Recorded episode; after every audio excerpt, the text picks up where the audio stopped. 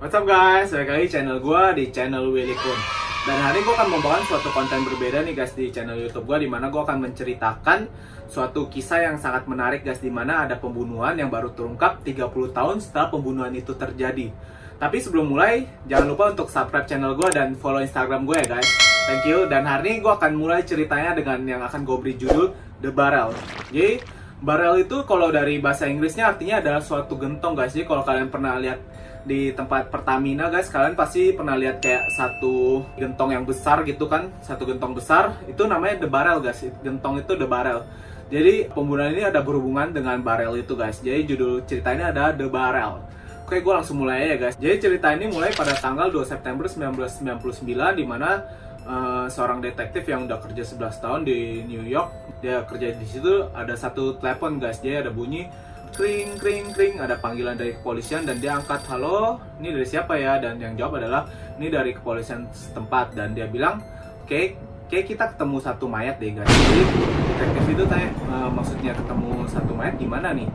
Jadi kepolisian bilang iya jadi mereka udah ketemu satu mayat di suatu rumah. Jadi uh, Pak Polisi ini ingin minta bantuan ke detektif itu untuk menyelidiki mayat ini yang ada di dalam satu rumah itu. Jadi setelah mendapatkan laporan itu, detektif itu pun datang ke rumah itu. Dia jalan, dia sampai di TKP, dia ngobrol sama polisinya. Jadi gimana nih kejadiannya?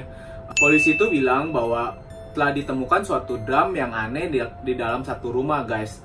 Jadi dia mulai ceritanya awalnya pemilik rumah ini bilang kalau dia ingin menjual rumahnya kepada seseorang dan pembeli itu bilang juga kepada penjualnya dia akan membeli rumah ini dan tapi dia mau jalan-jalan dulu. Maksudnya kayak kalau kalian beli satu rumah kalian pasti pengen lihat dulu dong. Kalian pengen ngecek dari atas sampai bawah gimana sih kan? Jadi si pembeli dan si penjual di rumah itu di jalan lah. Mereka ngecek dari atas dari ruang tamunya dari ruang makannya. Dia ngeliat oh oke okay nih bagus ya. Kalau gitu coba kita lihat ke basementnya. Jadi kalau di Amerika Serikat rumah yang ada basementnya itu udah biasa guys. Jadi mereka turun ke basement mereka cek sampai di satu lorong mereka melihat ada kok nih di ujung lorong ini ada satu drum gitu. Terus si penjual bilang ini kok ada drum di sini ya? Terus uh, si pen, si pemilik rumah juga bilang loh saya juga nggak tahu karena baru pertama kali saya ngecek sampai ke ujung lorong di basement itu. Jadi setelah kejadian itu si pembeli bilang oke okay, kalau begitu tolong diangkat aja. Jadi kalau dia mau dia mau beli rumah itu kalau drum itu udah dibersihin. Karena susah kalau dia udah beli si penjual pasti nggak mau bantuin lagi dong. Jadi dia bilang oke okay, bantuin dia untuk angkat ke atas gitu. Jadi mereka dorong drumnya dan sampai di depan rumahnya yang milik rumah ini dia bilang oke okay, kalau gitu kita buka aja ya isinya. Mungkin uh, ada sampah. Jadi kalau ada sampah ntar kita keluarin. Jadi pemungut sampah atau yang pembersih di komplek itu bisa buang sampah itu guys jadi mereka bukalah dan setelah mereka buka mereka kaget dan mereka melaporkan ke polisi dan polisi ini akhirnya menyampaikan pesan itu ke detektif untuk detektif datang. Nah itulah cerita si polisi ke detektif dan abis itu detektif penasaran karena dia sampai depan rumah itu dia baru uh, dengar satu penjelasan dari pak polisi. Dia lihatlah di depan rumah, oh iya di depan rumah ini ada barel dan dia datang ke depan rumahnya dan dia buka dan setelah dibuka itu langsung bau menyengat dari mayat keluar guys. Jadi di dalam di dalam barel itu si detektif lihat wah dia kaget. Di dalamnya ada seorang mayat yang udah keadaannya nggak membusuk guys. Dia dilihat mayat yang tangannya seperti meringkel seperti ini terus di atasnya itu ada cairan yang dia yakin kalau itu ada cairan kimia guys karena baunya ini seperti bau kimia. Jadi setelah kejadian itu dia tutup lagi dia bilang oke okay, di dalam ini rupanya bener laporannya ada seorang mayat di dalam drum jadi mereka langsung bawa drum itu untuk diotopsi. Jadi setelah dibawa ke tempat otopsi dibukalah drum itu terus dituang. Setelah dituang yang pertama keluar dari drum itu adalah cairan warna hijau guys. Jadi polisi semakin yakin cairan warna hijau itu bukan dari tubuh manusia tapi dari zat-zat kimia. Tapi polisi masih nggak tahu kan dia dia tuang lagi. Dan yang kedua keluar ada kayak eh, biji-biji uh, plastik itu kayak pelet-pelet plastik warna putih dan hitam. Setelah dituang lagi guys uh, akhirnya keluarlah sesosok mayat kakinya kelipet terus tangannya megangin kakinya guys dengan tangan yang keluar kayak gini.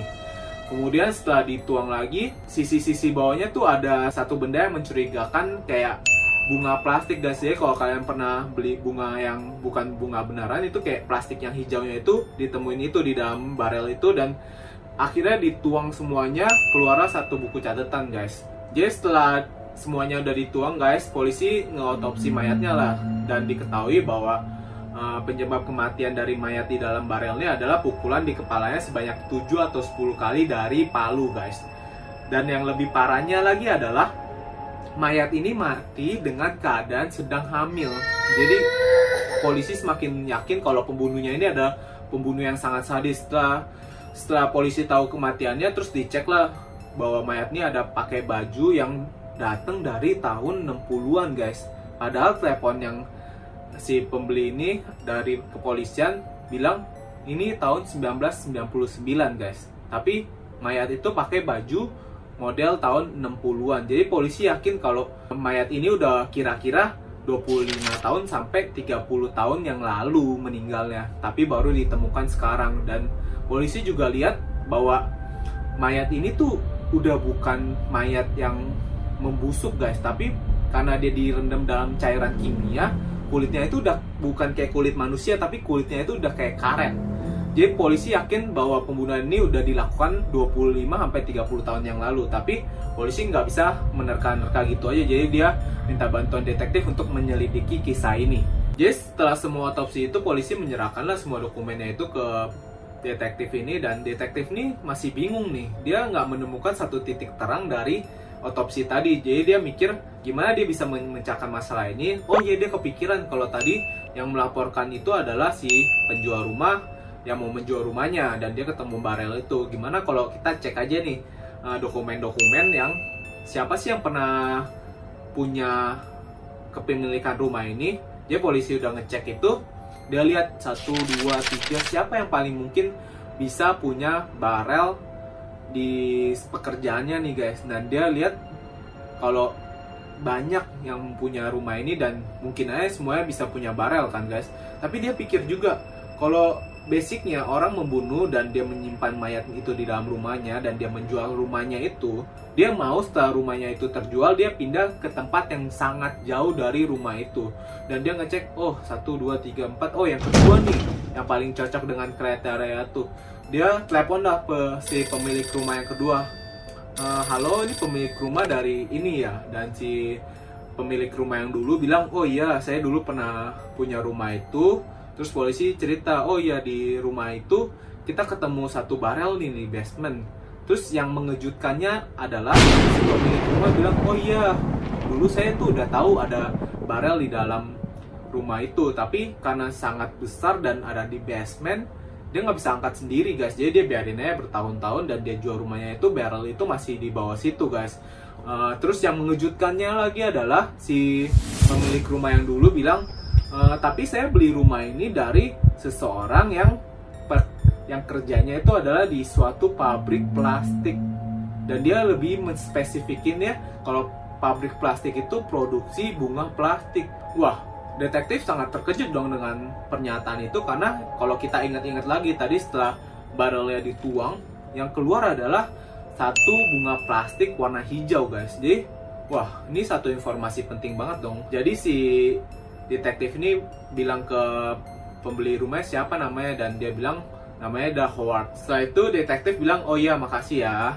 Habis itu ditutup teleponnya. Setelah dapat informasi yang penting itu, akhirnya detektif ini tutup dan dia pikir ada satu bukti yang lain lagi yaitu buku harian kalau kita ingat dikeluarin tadi di ujung dari barel itu ada buku hariannya jadi buku hariannya itu sebenarnya detektif ini pengen tahu apa isinya dia bawa ke tempat laboratorium supaya buku harian ini tuh bisa dibaca guys karena dalam keadaan tadi di dalam barel itu ada cairan kimia guys kalau kita ingat. Jadi uh, cairan kimia itu udah nyelimutin buku hariannya nggak bisa dibaca begitu aja. Jadi mereka bawa ke laboratorium untuk diteliti agar bisa dibaca dengan teknologi berikutnya. Tapi itu butuh beberapa hari kan guys. Jadi detektif ini taruh dulu di laboratorium agar bisa dibaca dan dia lanjutkan lagi. Dia lihat di barelnya ini di depannya ini ada logo guys. Jadi kalau kalian uh, punya pernah lihat barel, kalian pasti lihat di depannya barel ini ada satu logo dari perusahaan itu. Dan polisi ini melihat oh iya di dalam di depan barel ini tuh ada logonya nih. terus akhirnya dia pergilah ke satu tempat organisasi yang membadani semua produksi plastik di Amerika guys. Mereka pergi dan mereka tanya coba lihat nih ada plastik yang kita temuin nih. Habis dilihat oh iya langsung dilihat oh ini plastik dari PP dan ini plastik yang untuk buat bunga plastik memang. Terus polisi juga tanya kalau begitu logo ini kenal gak terus yang pe yang organisasi plastik itu bilang oh logo ini tuh kita kenal. Kalau logo ini adalah logo dari perusahaan plastik bunga plastik ini nih cuma ada satu di Amerika. Kalau pas tahun 60-an terus dia bilang di dalam barel itu juga cairan hijaunya itu adalah untuk memproduksi bunga plastik. Setelah itu detektif semakin yakin bahwa si pemilik barel inilah si pembunuhnya dan kita harus cari tahu lebih mendalam tentang si pemilik barel ini dari perusahaan yang udah dikasih tahu itu. Jadi polisi lihat lagi dokumennya. Oh iya perusahaan ini dimiliki oleh dua orang guys. Jadi yang pertama yang tadi yang dibilang si pembeli rumah kedua itu si Howard dan satu lagi ada namanya Melvin guys. Tapi dua-duanya ini udah tinggal di Florida. Jadi setelah polisi udah tahu pemilik perusahaannya ada dua orang si Howard dan si Melvin, akhirnya detektif ini pergilah ke Florida dan yang pertama kali mereka datangi adalah Melvin karena informasi yang diterima dari pembeli dua itu udah cukup untuk Howard jadi mereka ingin mendapatkan informasi yang lain dari si Melvin kemudian polisi datanglah ke rumah si Melvin dulu dan bilang e, selamat pagi pak. Kita dari detektif pembunuhan dan kita ketemu satu barel di satu rumah ini guys yang dulunya pernah dimiliki si Howard. Terus polisi kasih lihat bukti-buktinya. Ini ini barelnya di dalam barelnya ada seorang mayat terus di dalamnya ada ini ini ini.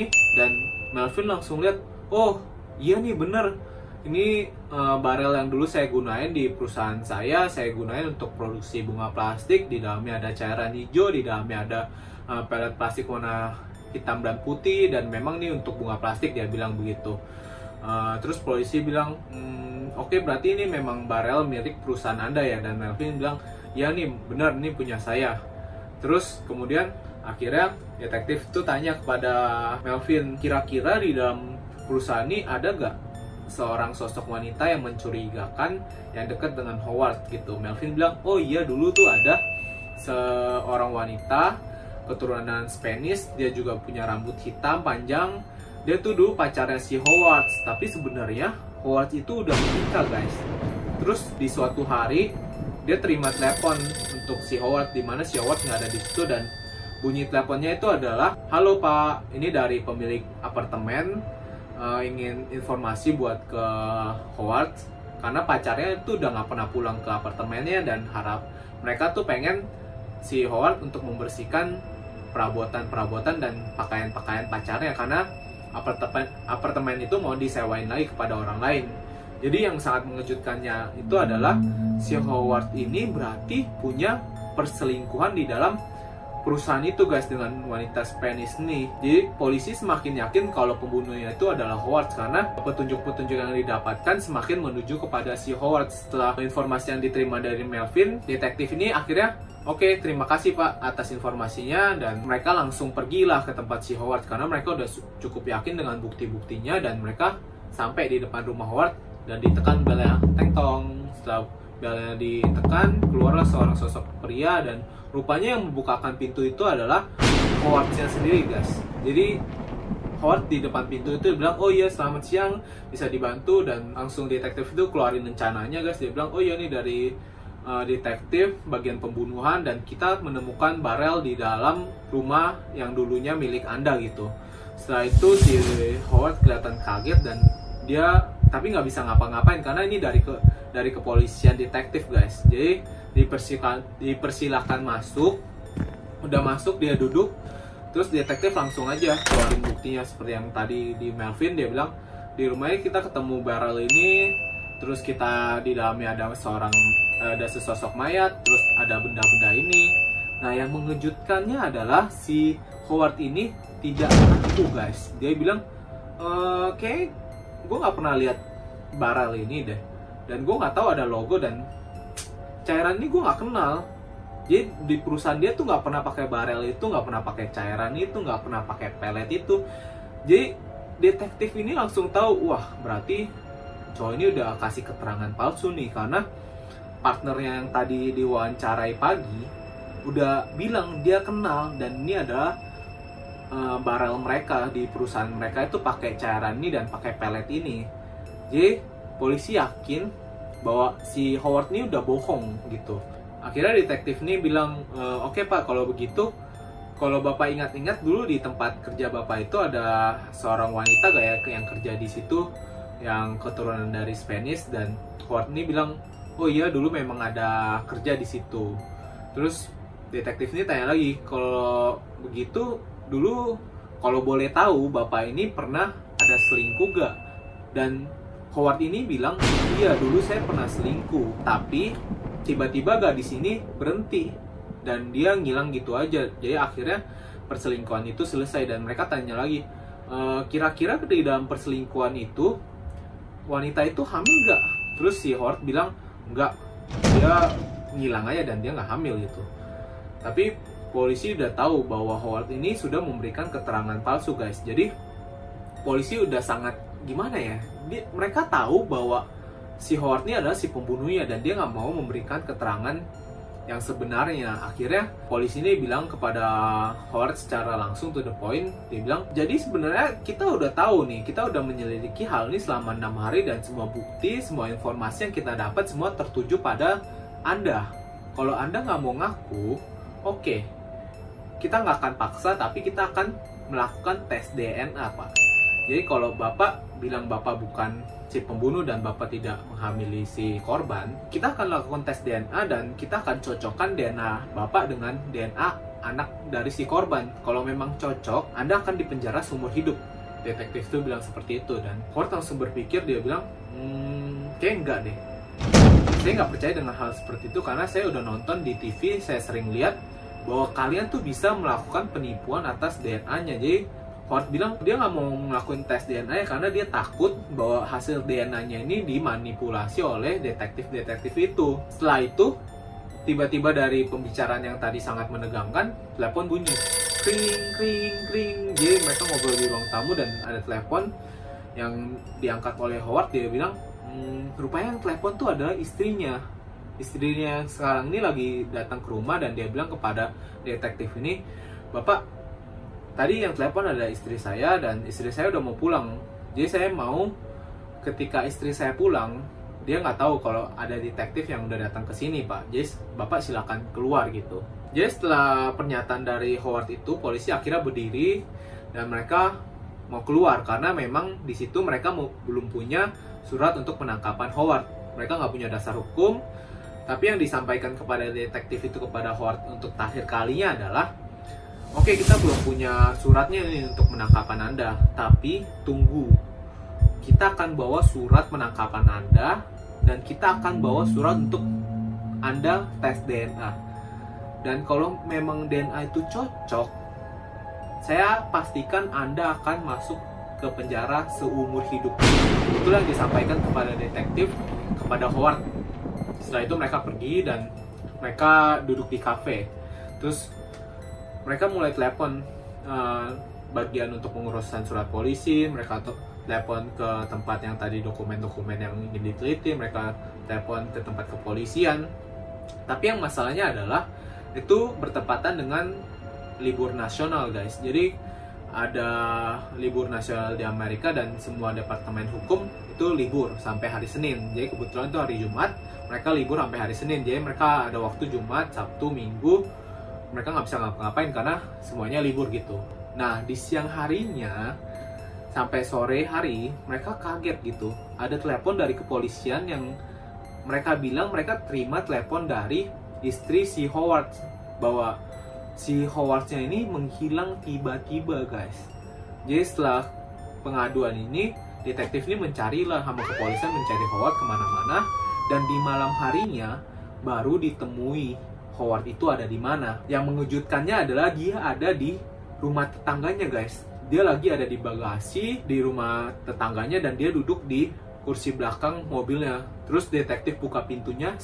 Pas detektif buka pintunya, ada suara bunyi pistol guys. Rupanya setelah detektif bilang hal itu kepada Howard, Howard pergi ke tempat penjualan senjata dan dia beli satu shotgun guys jadi dia nggak mau mungkin dia nggak mau bunuh diri di rumahnya takut kelihatan sama anaknya mungkin atau istrinya jadi trauma dia pergi ke rumah tetangganya dan di mobil tetangganya dia tembak kepalanya pakai shotgun. Dia polisi buka pintu itu dan dia lihat udah darah di mana-mana Howard udah meninggal. Jadi nggak ada lagi yang bisa memberikan pernyataannya. Sebenarnya polisi ingin memenjarakan si Howard agar dia dapat menceritakan satu kisah kisah penuhnya guys. Jadi penyelidikan ini berhenti di satu titik. Mereka tahu pembunuhnya itu adalah Howard tapi mereka nggak tahu di mana ceritanya ini yang benar gimana. Nah akhirnya detektif ini berpikir oke okay lah kalau misalnya si Howard itu meninggal kita ambil aja darahnya untuk melakukan tes DNA jadi darahnya diambil dikasih ke laboratorium dan ditunggu beberapa hari gitu guys. Jadi setelah meninggalnya si Howard ini polisi lagi-lagi berhenti di satu titik yang di mana mereka nggak tahu harus gimana nih. Jadi mereka udah ambil darahnya udah dikasih ke laboratorium. Mereka pulang ke tempat mereka dan mereka mulai ngecek lagi dokumen-dokumennya dan ada telepon masuk dari bagian imigran gitu bahwa dari info-info yang diberikan kepada detektif ke bagian imigran yang paling cocok itu adalah wanita Spanish yang namanya ada Reina Maruquin. Jadi namanya Reina Maruquin yang datang dari Spanish dia datang tahun 1966 ke Amerika untuk bekerja guys. Setelah itu polisi udah tahu nih kalau wanita ini dari Spanish dan wanita muda yang cantik gitu kata polisi.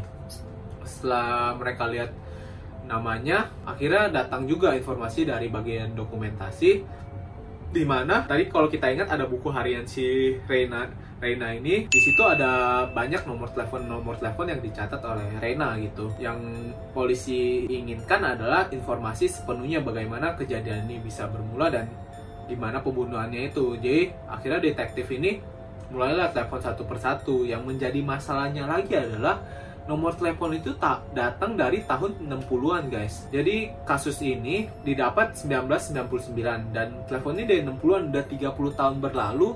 Sangat kecil kemungkinannya telepon yang akan ditelepon ini masih aktif. Jadi mungkinnya udah berubah orangnya atau udah nggak aktif. Tapi detektif nggak menyerah, dia telepon satu-satu.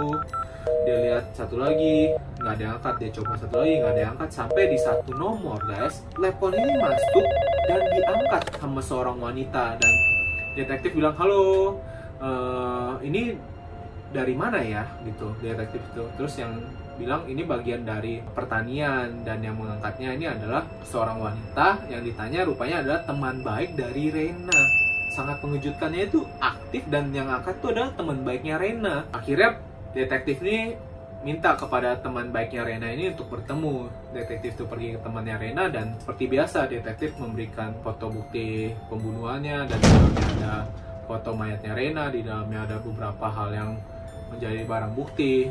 Setelah teman baiknya itu melihat dan dia yang pertama dia lakuin adalah yang pastinya langsung sedih dan dia langsung nangis.